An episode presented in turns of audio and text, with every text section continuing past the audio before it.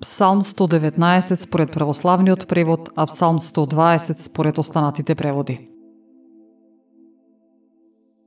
Кон Господа повикав во потиштеноста своја и тој ме услиши. Господи, избави ја душата моја од лажлива уста и од измамнички јазик. Што ќе ти се даде и уште што ќе ти се направи лажлив јазику?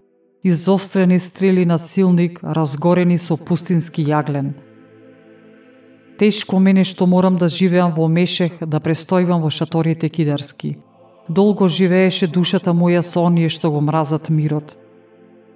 Јас сум за мир, но штом проговорам, тие се за војна.